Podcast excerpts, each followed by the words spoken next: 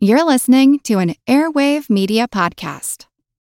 If you only have a 401k, you're not getting the most for retirement. Wait, what? Add a Robinhood IRA on top, then they'll boost it by 3%. You can do that? And if you transfer in any retirement account, you get 3% on top of that. Is there a limit to the match? No limit. Robinhood Gold gets you the biggest contribution match of any IRA on the market. Sign up for Robinhood Gold at Robinhood.com slash boost by April 30th. Subscription fees apply. Investing involves risk. 3% match requires gold for one year from first match. Must keep IRA for five years. Match on transfers subject to additional terms and conditions. Robinhood Financial LLC member SIPC.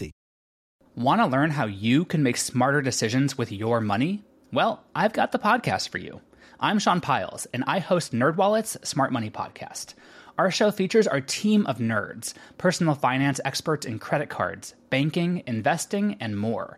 And they'll help you make the most of your money while cutting through the clutter and misinformation in today's world of personal finance. You'll get clarity on strategies to help you build your wealth, invest wisely, shop for financial products, and plan for major life events. Listen to NerdWallet's Smart Money Podcast wherever you get your podcasts. This is Kick Ass News. I'm Ben Mathis.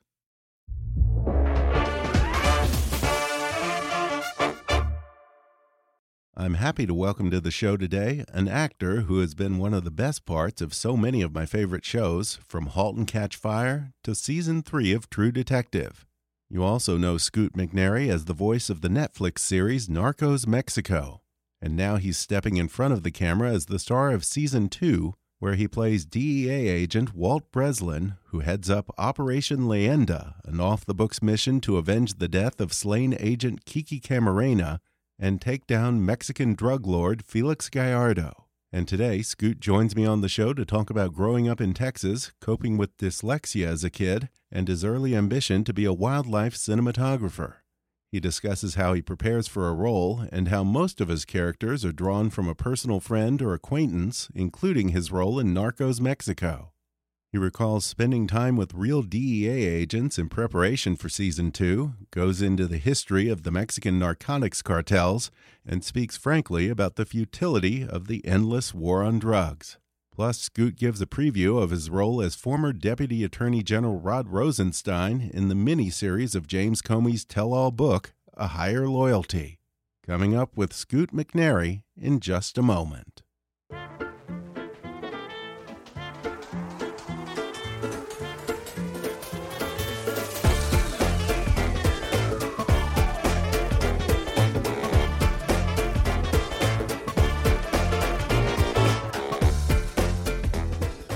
Folks, you know Scoot McNairy from his roles in films like Argo, 12 Years a Slave, Gone Girl, Batman vs. Superman, and Once Upon a Time in Hollywood, just to name a few. He's also starred in some of the best series on television like Halt and Catch Fire, Godless, Season 3 of True Detective, and Narcos Mexico.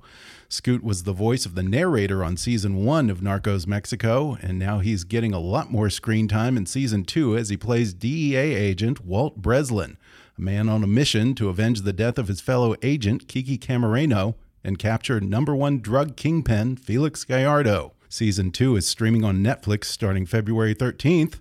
Scoot McNairy, welcome, man. Hey, thanks so much for having me on the show. Well, this is fun. You know, it's not every day that I get a fellow Texan on the show. In oh. fact, it's pretty oh. rare. So, well, well eh, tell me, where are you from? Uh, I'm from Houston. You're from up north, right? Born Dallas? and raised outside of Dallas. Yeah. Oh, okay. Yeah, where, yeah. where outside of Dallas? Uh, Lake Highlands High School would be okay. the community that I was grew up in. Oh, went cool. to high school. Yeah. Okay. Do you get back there much? Uh, as much as I can. I live uh, outside of Austin now. Oh, nice. So yeah, I mean, I mean in Texas quite a bit, but not necessarily to my hometown. Yeah. Oh, that's cool. Do you have a ranch out there? yeah, what? outside of uh, about an hour outside of Austin. That's nice. Yeah. See, uh, you know, once I left for LA, I never looked back. The only place that I would possibly consider living in Texas would be Austin or the Austin environs. I, you know, anywhere else, it's yeah, especially Houston. Uh, so hot. Yeah, Houston's tough. I mean, out where my my ranch is, it's it's it's hot too. But I don't know. There's just something about those wide open spaces and those yeah those fields that uh, after spending a good amount of time in Los Angeles, mm -hmm. you know, just sort of called me back. Yeah, yeah. The thing that when I go back there, that I think about is just the skies look so different than they do here in LA. Yeah, I mean everything is misty here. You have this thick pea soup kind of fog hanging over everything, but there it's like the clouds are so defined and the sky is so defined and Texas. Yeah, the clean air and those beautiful sunsets. um, Yeah, can't mean, beat it. Yeah, yeah, Yeah. Do you have cattle or? I did for a while. Uh, I was running some Black Angus, but um, Oh, we yeah? don't- yeah, I got rid of all the cattle. We don't have any cattle anymore. Oh, really? They're a lot of work when you're not there. Yeah. My grandfather, he was an architect, but he had a ranch just kind of as somewhere to get away and play farmer on the weekends to get away from the craziness. And he, I forget what he had. He had Herefords, is that right? Yeah. Yeah, those. And then he would switch them when he would get bored with them because he just liked sitting on the porch and watching his cows. And once he got bored with one color, he would sell them at auction and then get a bunch of more cows. But I was, I'm about to say there's nothing beautiful, more beautiful than looking out over a pasture of cattle. Yeah. Just grazing. Now, I was also a huge fan of *Halt and Catch Fire*, and I know at least in season one, you were playing a guy in Dallas who was kind of tinkering in his garage with a computer in the '80s. And from what I know about you, that sounds pretty much close to what your life was like growing up. Did you have a certain amount of familiarity there? Um, yeah, you know, I, I grew up in Dallas. You know, a lot of that uh, that show was like a, a throwback to like all the things I saw when I was a kid watching my dad. But I mean, *Halt and Catch Fire* was. I mean, God, that was we did a four years on that. I think four, four, Yeah. four seasons, and man, it was uh, so good. it was a trip to, to be on that on that job and stuff and see because it was so much of a replicate uh, a replicate of of my life and where I grew up in Dallas. Yeah, yeah. You and I probably grew up in Texas around about the same time, and I, I forget their names. I had the creators. What is it? The two Uh, Chris's? Or Chris, two, yeah, Chris Rogers and Chris Cantwell. Yeah, and I remember we were talking about uh, the '80s robots. And I Mhm. remember as Oh, a yeah. kid, Sure. when that became the thing in the Sears catalog or whatever, I was like, "Oh, I want that! I got a robot. He'll bring me a Coke and it'll Yeah. do all this stuff." And Yeah. they didn't work for shit. No, they did. They looked cool on your shelf. Yeah, yeah. We're still waiting for a decent robot Yeah. these days. Thirty years. God. Well, I read at some point that you have dyslexia and actually went to a special school for that. Uh, How did that affect your acting? Do you think of it as something that you had to overcome, or has it maybe even been an asset in your career? Um, I did. I went to a school called the Shelton School of Dallas. Um, it's one of the the best uh, schools for learning differences uh, in the country. I didn't know that at the time, and I don't think it was at the time, but it is now. Um, and uh, I don't know. I mean, maybe it, you know, it's definitely maybe it is an asset. Um, however, it's not. I don't think it's an asset that's intentionally ever used. You know, it's just something that sort of pops up of, of sort of looking at things in a in a different perspective or a different way. That I, I'm when I do acknowledge it or see it, I, I do try and use it to my advantage. Mhm. Yeah, my sister in law actually teaches at a school for dyslexic kids. And she says uh, apparently there's a higher proportion of dyslexic kids in creative industries like entertainment and art and so forth. Yeah, no, I mean, I, it, it it would definitely lend itself Yeah. to, to be so. Yeah.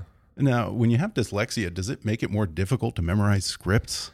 Um, there's a dyslexia is sort of viewed as this um, thing where kids write letters backwards or Right, have to. right. Um, there's Which is not really the it's case. not the case. Yeah. There's so I have no problem. I mean, I read slower maybe, but I have Mm-hmm. no problems reading and um, and and writing. Um, so for each individual, it's completely different. Um, for me, I just they sort of understood or learned that I was a visual learner. Okay. And each kid is, you know, sort of learner from visually or their ears or their, their hands. And so once they sort of identify that at the at the school, they sort of start teaching you everything with Okay. either hearing or visual. And mine was Yeah. mine was visual. Huh. So with memorization, that doesn't affect it because I don't have dyslexia, but I have ADD, and I know if I ever had to memorize a script, I'd be completely lost. Um, yeah, I mean, I, I struggled a lot with it, you know, mostly doing theater. Mhm. Um, but now it's it's it's like a muscle, you know what I mean? The Yeah. more and more you use it, then the, the better and better it works. But Yeah. you know, I, I don't know. Every actor I think has a different process, or Yeah. none of them are the same, and so I could speak about it, but it probably might not make sense to most. Sure, sure. Yeah. When did you first decide that you wanted to go into TV and movies? Uh, my pops asked me when I was young. He- you know, he was like, "What's the one job that you could wake up every day and want to go to work?" And uh, I had a landscaping business at the time, and when I was in high school, and uh, I I loved doing I loved it. Um, but I also loved movies so much. I didn't watch much television as a kid, but I watched a ton of films. Oh yeah. And uh, I think just watching movies, I just wanted to go. Uh, what I really wanted to do was go get on set and just watch Yeah. how, see how the movie's put together and how it's made, because they're all such a phenomenon or a fascination to me when I was younger. Yeah. What kind of movies did you grow up on? Uh, you know, the Indiana Jones, like some of the, the the bigger ones, obviously Yeah. Star Wars and whatnot. But Yeah. it, it was more of like sort of the action sequences, which to me like were so far fetched and unreal, but looked so real. But then I remember being like, I, you know, can that can a car jump off of a parking garage and land on its wheels? And Yeah. that doesn't, you know. And so you know, the older I got, and the more and more, of, you know, the fascination of the more and more I wanted to know how it was done. And by Yeah. the time I was 18 or 19, I thought I wanted to go into the uh, entertainment business and I did an independent movie for no money and and meaning I didn't get paid, but n- nobody got paid. We didn't have any n- we didn't have any money for the movie. And it was at that time that I spent a lot of time with the cinematographer John Bussey that I uh, I realized, you know what, I, I love photography, and I think if I were to get into the entertainment business, it would be Mhm. through cinematography. Huh. So uh, at some point, I I think that I read that you originally wanted to be a cinematographer for nature movies or, or documentaries, huh? Uh, I mean, th- yes, I sort of compiled that personally in my head. I had a love. I love camping. I love hiking, rock climbing. Um, you know, being outdoors and fly fishing. And I thought, how can I get paid to do this? You Yeah. know, to be out here. And so it was more of like, oh, I love cinematography. I was going to go to film school. Well, I go to film school and be a wildlife cinematographer. Having watched the Planet Earth Oh, Diaries. isn't that great? yeah, the, the, the, the series is incredible, but they have these little diaries afterwards of the, the filming of and the making of. Oh, And you realize how brutal it was for the cinematographers Yeah, and so yeah. boring at times. yeah. You think that you have a lot of hurry up and wait on a film set? Yeah, this was weeks and weeks of sitting in a tent waiting for a, a, a God. You know snow leopard to, to walk past you for you know ten seconds. yeah, no cell signal a lot of times. Yeah, You're just a little bit. there. When I'm camping, I like to stay on the move. Yeah. I don't like to sit in one spot. yeah, when you were a kid, I know that you kind of have uh, an action side to you, and you're a big motorcycle guy. Did you ever like try to replicate the stuff you saw in movies? Uh, no, I don't really think I've had the uh, that much of an opportunity in the Mhm. roles that I've taken to sort of indulge in, in, in some of the things that I really loved to do in my childhood. Oh, yeah. Hopefully, those things are Yeah. on the on the horizon. Well, now that you're sort of a known commodity in this business, uh, do you think that you might try to parlay your career into directing, or maybe start out by directing a few TV episodes or something? Um, probably not television, but yeah, uh, yeah. There's a. I've been wanting to uh, direct for a long time, over a decade now, and been tinkering with some things. But the hardest thing for me to sort of commit to it is um, is the script and the story, and I just Mhm. haven't found something that I felt like is really hundred percent there. Or I will find it, but then I'm like it's sort of distant from that project and wouldn't know how to direct that particular Yeah. one. So Yeah. I'm really looking for something that's um, in my wheelhouse that I feel comfortable and confident with that I could tell that story. Yeah. Plus, just the time commitment. I mean, that's way bigger than just uh, you know showing up on set and acting. For sure, but you know, it, it's also you're no longer a passenger in the car; you're the driver. So Right. that you know what I mean. Yeah, no, it, and that and it's exciting too. You know? Well, I have to tell you, whenever I have a guest on, I usually at some point scroll through their IMDb, and I'm always kind of amused by the things that IMDb latches on to, whether it's you know things that they consider fun facts about people to put on their trivia What are- or what are some sum of my fun facts? Well, this was what was funny. Uh, IMDb describes you as an actor who quote tends to play downbeat characters who suffer a lot. Um, well, that that's one way. right? That's one way to look at it, I guess. Um, you know, yes, I feel like uh, in the recently, you know, I've played a, a lot of characters or quite a few characters with with an ex- extreme amount of flaws. Mhm. Um, you know, and sort of gone to the sort of weaker side of of of, of a character or Mhm. individual. But uh, part of that with this Narcos thing was stepping into a a, a little bit more of an alpha uh, dominant um, Mhm. character, which is something I haven't done in a really, really long time. So it was a little switch for me and, and, and a change and also Yeah. more challenging and more fun. Yeah, but when I think of *Halt and Catch Fire* or you know *True Detective*, which we're fantastic on, and *Narcos*, you do seem to gravitate toward these characters who are on a cusp of a breakdown. They're just right on that edge. What attracts you to that guy? I don't know. That's a good question. Now that you're bringing it to the the forefront, that I'm wondering if maybe that's just you know, maybe there's too many parallels to that in in, in myself. yeah. You think so? Yeah, I don't know. Maybe I maybe I subconsciously are cool to me. are, are constantly on the on the on the verge of a breakdown. well, especially with True Detective. I mean, God, to play a parent who lost a child, I can't even imagine what it's like preparing for a role like that. Uh, you must have had to get into a really dark place. Yeah, well, that I mean, I have two kids, but like you know, the more and more you think about it, um, when I was doing the job, was the more I le- thought less about my myself and preparing for this role, and in my kids, but I more started thinking about all the parents that have lost their children, and like until you really, really dive into it, the pain and the and the and the tragedy that that is that is I mean it still sits with me. I haven't seen the show Yeah. just because it was really, Really? tough for me to do and it was it'd be even tougher for me to watch but you know that's where my head went mostly during that project of my heart just went out to so many Yeah. parents that had unfortunate situations where you know they, they would lose a child I mean I think you always want clearly as a parent you want to outlive your kids hmm Yeah, I wonder, is it hard to shake that character once you're done? Um, that one, that one in particular, yeah. Um, I mean, the best way to shake is to go home and hang out with your kids. Yeah. So that's what I did. But it did, you know, that one more so than anyone I've ever done did stick with me for for a month or so or a Mhm. couple months.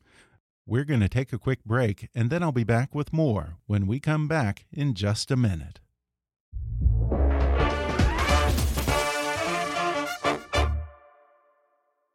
Wave is a free, easy to use financial software that helps freelancers, consultants, and small business owners make, move, and manage their money, bringing them closer to financial success through accounting, invoicing, payments, and payroll. Just like Chris. Chris started his own business three years ago and has been using Wave ever since. He was never confident about the financial aspects of running his own business, but since discovering Wave, he was relieved to find a service that made invoicing and payments so straightforward. Wave's free accounting, receipt management, and invoicing tools give your business the professionalism it deserves. Have employees? Wave can pay them directly and automate your payroll tax filings. Payroll helps business owners like Sean. Sean felt like he was dealing with taxes and payroll every day, and making sure everyone got paid took away the enjoyment of running his business. Having automatic deductions with payroll let him get back to doing what he enjoys most. I only recently started using Wave. I was tired of the hassle of invoicing, chasing clients for payment, payroll, accounting, tax compliance. It's a headache that I just didn't need. I just wanted to be able to focus on my podcast. That's why I love Wave's easy to use accounting software. It's simple, intuitive, and it saves me time. In fact, now I'm using Wave for my payroll and invoicing as well. Bottom line, Wave simplifies my life. It's time to ditch the Excel spreadsheets, shoeboxes full of receipts, and lost invoices and start growing your business. Set your business up for financial success by signing up for your free account today at waveapps.com slash kick. That's waveapps.com At some point, I heard that you said that uh, as an actor, you always like to check in with yourself and sort of make mental notes of your emotions and reactions to things in real life. Uh, do you think that acting has made you maybe more self aware, maybe even made you learn things about yourself in the process? You know, it does. It makes you almost too self aware. Really? Um, yeah, there's just, you know, there's certain things that I think individuals don't like about themselves. That's just who they are. And I think being aware of yourself and, and stuff that you do see, you know, obviously flaws in yourself that you wish you could fix that they, you can't, they're just a part of, a part of you. Yeah. And it's, you you know, it can be frustrating at times knowing that there's a part of you that you wish was different, but, but it, that's just who you Yeah. are, you know? Uh, What's usually the first thing that you want to know about a character you're going to play? Usually what he looks like. Really? Yeah, Huh. it's kind of bizarre. It's probably not the right answer as an actor, but I usually start to to I love to start with the facade, the exterior, Mm-hmm. and then I don't know, the interior sort of comes over time. It's not something you can force in a day or a week, Okay. but you can sort of the appearance of him, you know what Huh. I mean? And then the sort of internal stuff sort of comes all the way up until shooting and then obviously through the process of Mhm. shooting. Yeah, and I've also heard that I guess every character that you play stems from someone that you either know or you've met or seen along the way in real life. Is that true? I mean, not everyone, but uh, the majority of them. Yeah, it, it, it's you know, it's a great starting point. Mhm. You know, you you take this person over here that you know really well, you know what they look like, and then you say, okay, that's maybe the facade. I'm going to sort of base it on that. And then obviously, who that person that you're basing on that you know really well, those things change. But it to me, it's just a quicker launch launching point to be like, okay. And you, it's also things to fall back on. Like, let's just say the person is a friend named Jack when you don't have an answer to something, you can at least, well, what would Jack do about, you know, what would Yeah. he do about this? You know what I mean? And so, I don't know, maybe it's a cop out or a, a, a, a it's a cheat, but um, I can see how that would be helpful though. for me, if you can visualize the person, then that must make it a lot easier. yeah, and yeah, no, absolutely, and also, you know, you start to sort of dress or cut your hair like that person. Oh, yeah. So when you catch yourself in the morning brushing your teeth, it sort of reminds you to. To think about that or think about this person, I don't know. It's just sort of to wear it, you know, Mhm. wear it on you. Yeah, I wonder. Uh, your character in Narcos is DEA agent Walt Breslin. Uh, was that based on someone, or did you draw on someone that you know for that? Uh, yeah, I did. Um, it's not really. It's not based on somebody, but Mhm. there was somebody that I sort of based it loosely based it off of, Mm-hmm. not necessarily his his appearance. It was a um, um, a Mexican individual, and so I'm clearly not Mexican. but you know, I took some of the stories that I'd heard from about that person and sort Mhm. of incorporated them into the Oh, really? into it. Yeah. Was he in law enforcement? Uh, yeah, he was. He was. okay.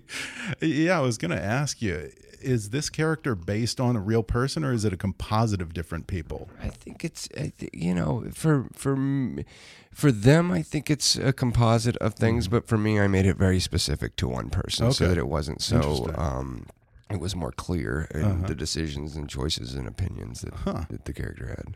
Uh, when you prepared for this role, did you actually meet with DEA agents? Did you want to pick their brains? Yeah, I spent some time with um, the Los Angeles um, DEA. Oh yeah. Um, went down there and interviewed some of them, talked to some of them. They were incredibly helpful. But the, the problem with them is that they're sort of telling stories about the now, you know, where Right. they're going after fentanyl and Mhm. and methamphetamines and, and, and whatnot. So the the the, bene- the more beneficial sort of research was I spent some time with uh, Jaime uh, Kuykendall, played by Matt Letscher in the show. I Yeah. actually met with the the real uh, Really?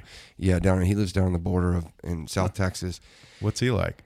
Uh, he's retired for years now, but I mean, he was around. He was the guy that was around during the Kiki Camarena execution, and so his stories were really beneficial because they were about that time, and the DEA was completely different back then than it is now. Mm-hmm.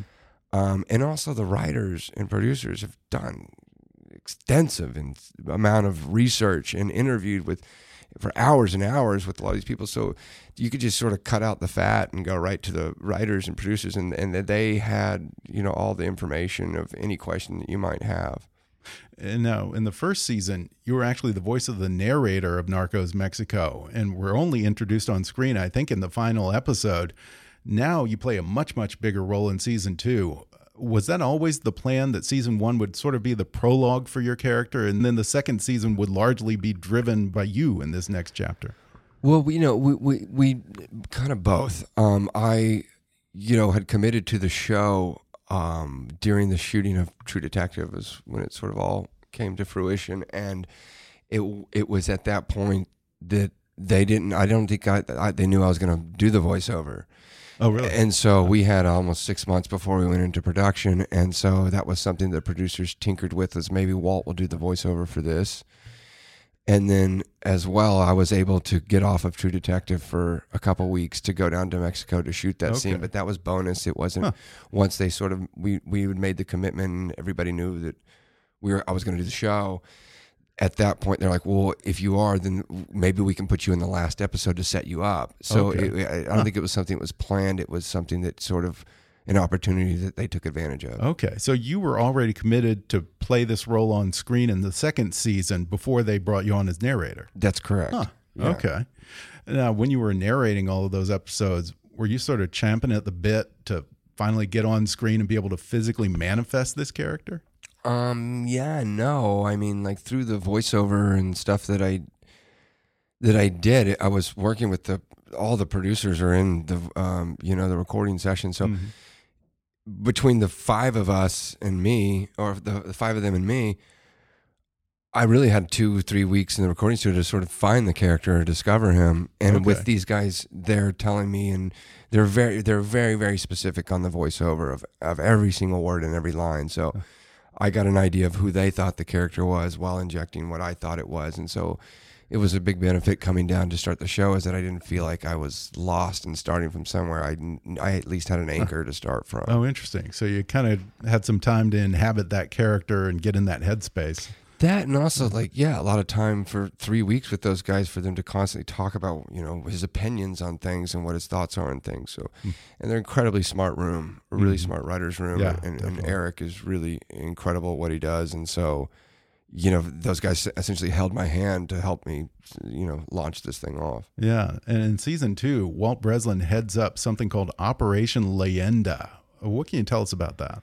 Uh, not too much because we don't know 100% about it. But Operation Leyenda was a real op that, um, after the execution of Kiki Camarena's um, murder, they put together a task force to go down to Mexico to sort of cause disruption within the the, the drug cartels.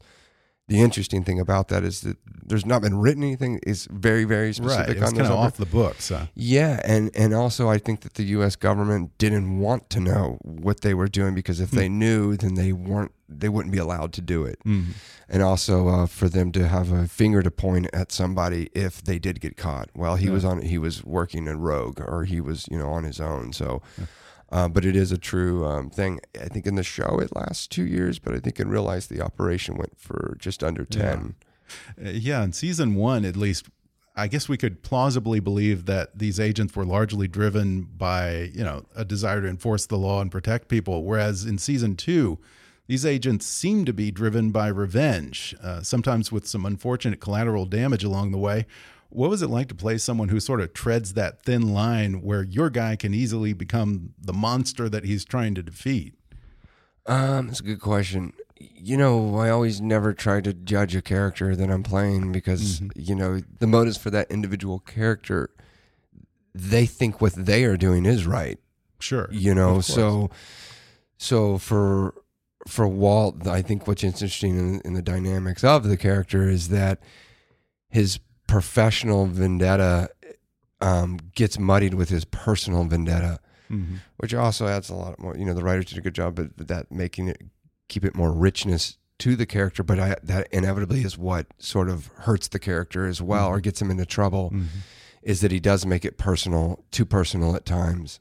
Yeah, I was going to say the irony of this is that Walt is out there trying to get revenge for this slain agent, Kiki Camarena, who's someone that he never even knew personally. Yeah, well, I mean, that's the job I think that you know Walt is is you know is signed up for, but the revenge that he has for you know sort of taking down Felix Gallardo, um, Daniel uh, um, Diego Luna's character. It's that he does have he feels responsible, I think, subconsciously for his brother's death, and there's the personal side of it, and yet the other side of it is you know his professional, which is eh, you know somebody to point the finger on, somebody to blame for his brother's death, when inevitably he should just be blaming himself. And I remember in episode one, season one, you open as narrator by saying, I- I'm going to quote you here I'm going to tell you a story, but I'll be honest, it doesn't have a happy ending. In fact, it doesn't have an ending at all. Now, of course, the audience who are watching, they know that the drug wars in Mexico are ongoing and have only gotten bloodier since Gallardo. When you were getting into this character, was it hard to keep that out of your head and avoid playing him with a certain awareness of the end game and maybe even the futility of it all? Well, I didn't 100% know the final episode. Okay. So, I mean, those, you know, but for me, it was, you know, he's just trying to win. You know, he wants some sort of um, gratification that he made a difference or made a change or, or he won. And um, that's what his main, you know, sort of focus and goal is, is, is, is so. hmm Yeah, but now we know that you know after Felix Gallardo, there's been so much more violence, uh, El Chapo and whatever has now replaced El Chapo. And there's a great scene where I don't want to give away too much, but it's explained to you that instead of one organized leader, you're now going to be dealing with cartel wars and chaos and blood in the street. It, it almost reminds me of Saddam Hussein. You know, here you have this ruthless monster, but when Saddam was ruling Iraq, you didn't have ISIS and all the chaos that's there, you know, and all the myriad unintended consequences that come with that. I wonder, knowing what you know now, do you think that putting Felix Gallardo away was still a win for the DEA? No, I don't think it was, and I partly love that end of the show is Mm-hmm. that um, you know Walt's character sort of finally gets what he wants. He gets his guy, but inevitably, what he's actually done is created a bigger problem for the war on drugs Mm-hmm. and a bloodier problem for the war on drugs. So you have two characters that essentially are victims to the war on drugs and that both lost. They didn't win. Um, even though they got everything that you know that they wanted, it it it just continues and sort of and that is the truth and reality of the, the situation of the war Yeah, on drugs. just keeps going. Well, I know that you are always working. Uh, what's up next for you? Um, well, I'll be honest. I'm not supposed to say Okay. yes. Well, I have heard that you're working on a higher loyalty. Can you talk about that? Yeah, I just finished on that job. Um, Billy Ray was writer director on that. It was just Yeah. so so much fun to work with, and the cast that they brought in. Um, Brendan Gleeson is playing Donald Trump. Oh wow. Um, Jeff Daniels is playing uh, Jim Comey. Oh, uh, great. Uh, Good Holly casting. Hunter, Sally Yates. Um, but the script that he wrote is really sort Yeah. of it, it, it, you know, very accurate, but very, very, very sort of humorous. Taking a step back Yeah. and looking at it from an outsider's perspective. Yeah, I'll bet.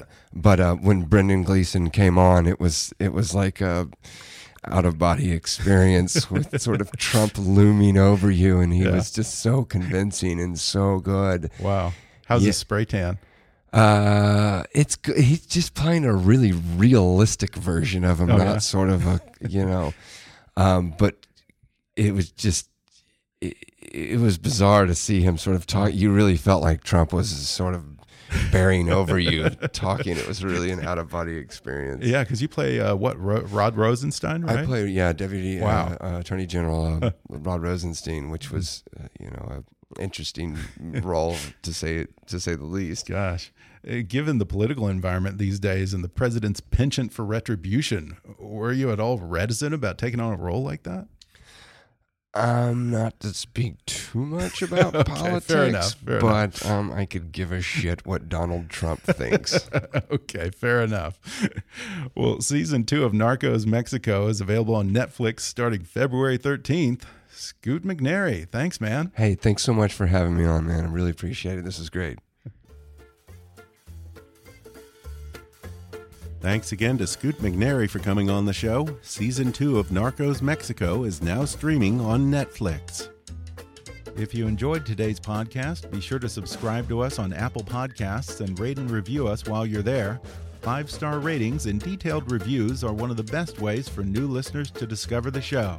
You can also follow us on Facebook or on Twitter at, at KickassNewsPod and recommend us to your friends on your social media. For more fun stuff, visit kickassnews.com, and I welcome your comments, questions, and suggestions at comments at kickassnews.com.